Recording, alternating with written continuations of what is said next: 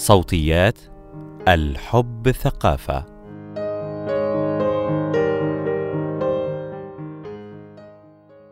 إلى جانب الضغط المجتمعي الذي يدفع الرجال للزواج يوجد ضغط داخلي أيضا. ولكن هناك من يواجهون كل أنواع الضغوط ويستمتعون بعزوبيتهم إلى أقصى حد ولأطول وقت ممكن. لا أريد أن أتزوج الآن. كيف يستمتع الرجال بعزوبيتهم؟ مقال لمحمد فتحي. تحاط العلاقات العاطفية بسياج متين في بلادنا. يمارس المجتمع ضغوطا هائلة على النوعين الذكر والأنثى.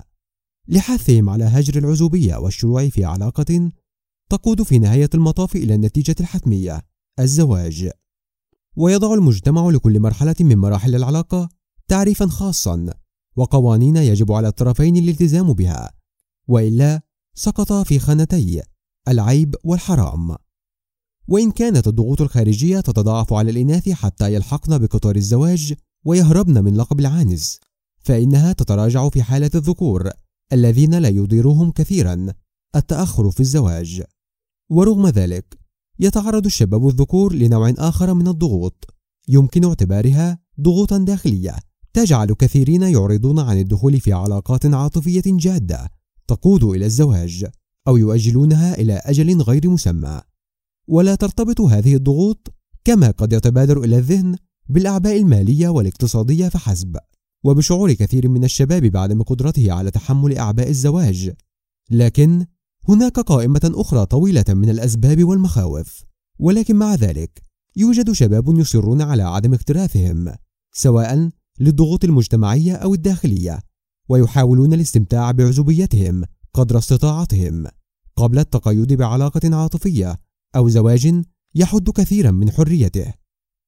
بعض من هؤلاء العزاب تحدثوا لنا عن أسباب تريثهم ورفضهم الدخول في علاقات عاطفية جادة وشرحوا كيف يستمتعون بعزوبيتهم وكيف يتعاملون مع ضغوط الأهل والأحباب. أنانية مطلوبة يقول إيهاب البالغ من العمر 35 عاما. لحياتي نمط محدد. لست مستعدا لتغييره على الإطلاق في الفترة الحالية. الارتباط ومن بعده الزواج. يجعلانك تبدل أولوياتك وتغير نمط حياتك. وأنا لست مؤهلا لتلبية مطالب شخص آخر والاعتناء به في الوقت الحالي. قد يراني البعض أنانيا لكنني لا أريد التنازل عما أحبه ولا أريد تغيير حياتي بشكل كامل في الفترة الحالية. حين نتزوج ونوافق على أن نعيش مع شخص آخر في نفس المنزل فيجب أن نكيف أحوالنا بشكل يرضاه هذا الشخص. على سبيل المثال أحب قضاء الساعات في المقهى. لا أطيق الجلوس في المنزل. أحب التمشية في الشوارع لفترات طويلة. كل هذا لن يكون متاحا بسهولة. إذا تقيدت بعلاقة عاطفية أو إذا تزوجت. تابعت زيجات كثيرة فشلت لهذا السبب. كل طرف يحب شيئا لا يحبه الآخر، ولا أحد يريد تنازل عما يحبه، يصلان سريعا إلى نقطة النهاية. في العام الحالي وبسبب كورونا اضطررت لجلوس أغلب الأوقات في المنزل حين تجلس وحيدا لساعات طويلة تشعر بالملل فكرت في المستقبل. هل سأتحمل تلك الوحدة بعد سنوات طويلة؟ لا لن أستطيع. لكنني رغم ذلك لا أريد الزواج الآن لا ترتبط بفتاة أغنى منك. يقول عمرو البالغ من العمر 29 عاما. قبل سنوات كنت طرفا في علاقة عاطفية غير متكافئة. كانت الفتاة أغنى مني، والفوارق كانت كبيرة. تبدلت حياتي خلال تلك الفترة. اقتصدت في نفقاتي الشخصية إلى حد كبير، حتى أكون قادرا على تلبية الحد الأدنى من مطالبها. كانت الفتاة تتفهم الوضع، لم تثقلني بطلباتها، لكن الأمر لم يكن هينا. أعدت حساباتي وأدركت أنني أحتاج سنين طوالا حتى أكون قادرا على الشروع في الزواج. أنهيت العلاقة. بعد ذلك قررت أن أتمهل. إذا لم أكن قادرا على الزواج حاليا فلن أورط نفسي في أي علاقة عاطفية. أغلق الباب سريعا كلما فتحته إحداهن. أقتصد بعض الشيء في نفقاتي. نجحت في شراء شقة لكن الطريق ما زال طويلا حتى تكون جاهزة للزواج. أيقنت أن الحب وحده لا يكفي لزواج ناجح. هناك حسابات أخرى كثيرة في مجتمعنا. حين تستقر أحوال المادية ربما تكون هناك عقبات أخرى مثل التوافق واختيار فتاة مناسبة. لكن كل هذا مؤجل الآن. لأنهن يبحثن عن منقذ من العنوسة. يقول رامي البالغ من العمر 34 عاما. العلاقات في مجتمعنا معقدة للغاية. حين أوازن بين وضع الحال كعازب ثلاثيني وبين الارتباط ثم الزواج. حين أضع كل منهما في كفة ترجح كفة العزوبية. هناك سببان يمنعان من الارتباط والزواج. الأول أن لدينا نمطا قبليا في الزواج. على سبيل المثال حين ترتبط بفتاة أو تتزوجها يفاجئك أن مشاكل عائلتها بالكامل باتت جزءا من مشاكلك اليومية. هذه الأمور لا يجب أن تشغلني بأي حال لكنها تفرض على الرجل في الزواج ويجب أن يكون له موقف ورأي في مثل هذه الأمور وإلا سوف يوضع في خانة أنت مش مهتم الشهيرة. كما يفاجئك أنك عرضة للتقييم من أهل الزوجة تقييم مادي وأخلاقي وديني. والأخيران الديني والأخلاقي يخضعان لفهم وتفسير كل شخص داخل هذه العائلة للدين والأخلاق. وبالتأكيد لا أريد أن أكون في موقف كهذا. السبب الثاني أن الزواج بات لدى كثيرات هدفا في حد ذاته. شاهدت علاقات كثيرة تقوم الفتيات بلي أعناقها تجاه الزواج. تكون الفتاة غير مقتنعة بشريكها لأسباب مختلفة ومع ذلك تدفعه بكل طاقتها. صوب القفص الذهبي. هربا من ضغوط الأهل ولقب العانس الذي يطاردها. لم أعد واثقا حين أدخل في علاقة جديدة. هل تبحث الفتاة عن منقذ ينقذها من أهلها والمحيطين بها أم أنها فعلا ترغب في علاقة جادة. كل الزيجات التي أعرفها وأقبلت الفتيات عليها للتحرر من الضغوط المجتمعية انتهت بالطلاق. لم تعد الفتاة عانسا بل مطلقة والوصف الأخير في عرف المجتمع أسوأ وأقسى. أنا الآن حر نفسي كما يقولون وأكثر ما أخشاه أن يسلبني الارتباط هذه الحرية. لا أؤمن بالوعود الأبدية. يقول محمد البالغ من العمر ثمانية وثلاثين عاما. كلما ألح علي هاجس الارتباط والزواج أحاول التعامل معه بقدر من العقلانية والهدوء. حين يميل قلبي إليه يرفضه عقلي فورا. أنا مثلا لا أؤمن بالوعود الأبدية. الزواج عقد طويل الأمد. لا أعرف كيف يقبل الناس عليه بأريحية.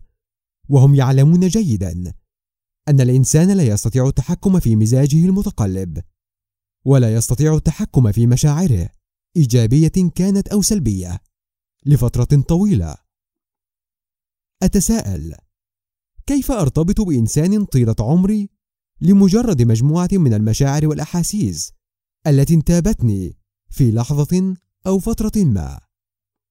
لنكن واقعيين. الارتباط والزواج لا يعنيان فقط كما يحاول البعض الترويج الاستقرار والدلع. الأمر أكثر تعقيدا من ذلك. هناك أعباء اجتماعية وقيود كثيرة تفرض عليك. أنا حاليا مستمتع بصحبة نفسي ولا أريد تغيير هذا الوضع. هناك أمر آخر يجعلني من العازفين عن الزواج هو عدم رغبتي في الإنجاب. أحب الأطفال. أحب اللعب معهم. أستمتع ببراءتهم لكنني لست مؤهلا للمهمة المعقدة المسماة بالتربية. كما أنني وقد أكون متطرفا إلى حد ما في هذا الرأي. أرى أن الإنجاب نوع من الأنانية. يبحث كل إنسان من خلاله عن فرصة ثانية للنجاح وتعويض إخفاقاته في الحياة. أضف إلى كل ما سبق. أن ما يساق من مبررات لإقناع الشباب بأهمية الزواج مجرد كلام ساذج. مثل ضرورة أن أتزوج حتى أرزق بطفل يحمل اسمي. كأن البشرية سوف تعاني حين تفقد جيناتي. كذلك الحديث عن التقدم في العمر والحاجة إلى من يساعدني في أمور حياتي. هذا الحديث يجعلني أشعر أن الزواج أشبه بالبحث عن خادمة وليس زوجة لكل قاعدة استثناء.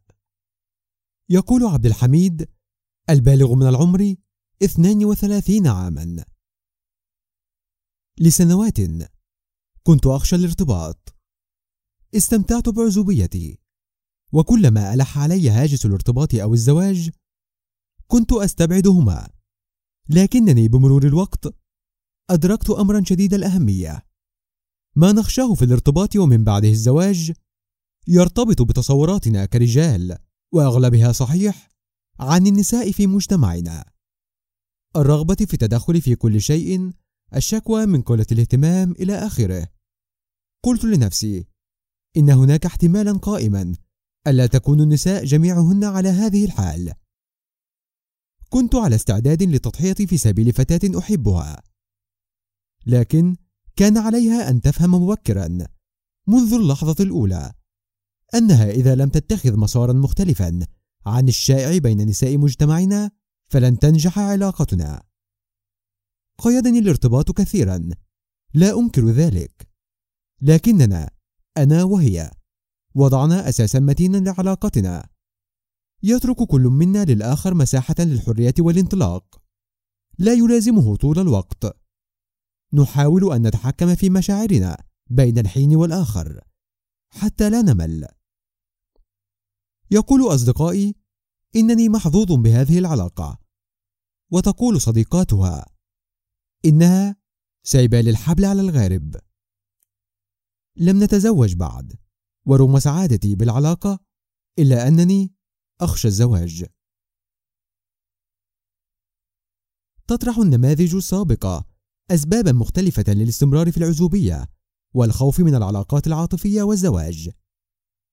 إذا كنت واحدا من هؤلاء الراغبين في التحرر من القيود العاطفية فانتبه للنصائح التالية حتى تستمتع بعزوبيتك وحتى تتجنب اتخاذ قرار خاطئ إذا نويت الارتباط أو الزواج. واحد اغتنم الفراغ. قبل أن تقيد عاطفيا أو تتزوج ثم ترزق بأطفال ويتآكل وقتك. استفد بكل لحظة تعيشها دون ارتباط. هناك مساحة كبيرة للتجربة. سافر. اقرأ. تعلم شيئا جديدا. لا تشبع من التجارب. اترك ما شئت من أبواب لأنك لاحقا. لن تجد مساحة لنفسك. ستتبدل قائمة أولوياتك. ولن تجد نفسك على القمة. اغتنم الفراغ. اثنان. انظر إلى الصورة الكاملة. سمعت رجالا كثيرين يقولون بعد زواجهم بفترة بسيطة إنهم لم يتخيلوا مطلقا ما هم مقبلون عليه. لم يتخيلوا الأعباء التي تتراكم بمرور الوقت وتتضاعف بالإنجاب. كان الظن وبعضه إثم أن في الزواج متعة كبيرة تنغصها أعباء معنوية ومادية قليلة لكن الأمر ليس كذلك إذا نويت توديع العزوبية فانظر إلى الصورة الكاملة تفحصها وادرس أبعادها جميعا هل أنت قادر على خوض هذه العلاقة؟ هل ستكون كفءا للزواج؟ هل تنوي الإنجاب؟ وإذا أنجبت هل تملك المال الكافي لتلبية مطالب الوافد الجديد؟ عليك أيضا أن تدرس شريكتك خيط الحب الممتد بينكما قد يهترئ بمرور الوقت والمشاعر قد تتبدل أو تتغير. وإذا حدث ذلك لن تتقبل بسهولة عيوبها. إذا لم تكن هناك أرض مشتركة تقفان عليها من اهتمامات أو تفضيلات. وإذا كانت الطباع متنافرة فلن يصمد الزواج طويلا. ثلاثة اختبر مشاعرك. تختلط الأمور علينا كثيرا خاصة حين نكبت مشاعرنا ولا نفرج عنها لفترات طويلة. تنتابنا. نحن الذكور حالة أفضل أن أطلق عليها مع الاعتذار حالة إسهال عاطفي. في هذه الحالة نكثر من التلميح والتصريح ونرغب في اقتحام كل علاقة ممكنة. إذا جاءتك الحالة تلك فاكبح جماحك وروض مشاعرك لأنها قد تقذف بك في علاقة غير مدروسة. اختبر مشاعرك على مهل. لا تتعجل. ستواجه ضغوطا كثيرة بعد تلميحاتك وتصريحاتك. وإذا أحبتك إحداهن أو رأتك عريسا مناسبا فسيكون الضغط مضاعفا. ارجع للخلف خطوة. واسأل نفسك. هل حقا تحبها؟ هل ترغب في الاستمرار معها أم لا؟ تبين حقيقة مشاعرك. واسأل نفسك عن رغباتك الجسدية. هل حقا تريد أن تخوض طريقا طويلا مع هذه الفتاة؟ وأن تتقاسم حياتكما سويا. أم أن الأمر لا يعدو كونه رغبة جسدية مكبوتة؟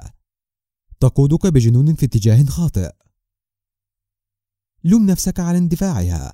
وعاهدها بترويض مشاعرك كلما جاءتك تلك الحالة. لكن لا تقدم أبدا على علاقة وأنت تعاني من إسهال في مشاعرك. أربعة. لكل تجربته فلا تقارن نفسك بأحد. إذا كنت صادقا مع نفسك متأملا في أحوالها فأنت أدرى الناس بما ينفعك وبما يضرك. لذا إذا كنت قد قررت التمهل وعدم الزواج الآن فلا تتراجع عن موقفك. سيقولون إنك قليل الخبرة بالحياة وإنك حديث عهد بالنساء. وإنك فور زواجك. سيتضاعف رزقك. وإن أبنائك سيفدون ورزقهم معهم. دعك من كل هذا. لا تقارن نفسك بأحد في الزواج. لن تكون مطلقا. نسخة من غيرك. وإذا كنت كذلك فزوجتك لن تكون نسخة من زوجته. لكل عصره وظروفه وقناعاته. الوحدة التي يخيفونك منها. قد تأتي وزوجتك إلى جوارك. وقد تأتي وأبناؤك من حولك. ووقتها ستكون أسوأ وأشد إيلاما لا تخشى أن تبلغ أرض العمر دون رفيق. ادخر المال الكافي وأحضر رفيقا أو خادما أو مؤنسا. سيقولون لن يتحملك في هذا العمر إلا أبناؤك. فأخبرهم عن عشرات بل مئات. تركهم ذويهم وانشغلوا عنهم. لا تقدم على الزواج لتطمئن مخاوف أحد مطلقاً.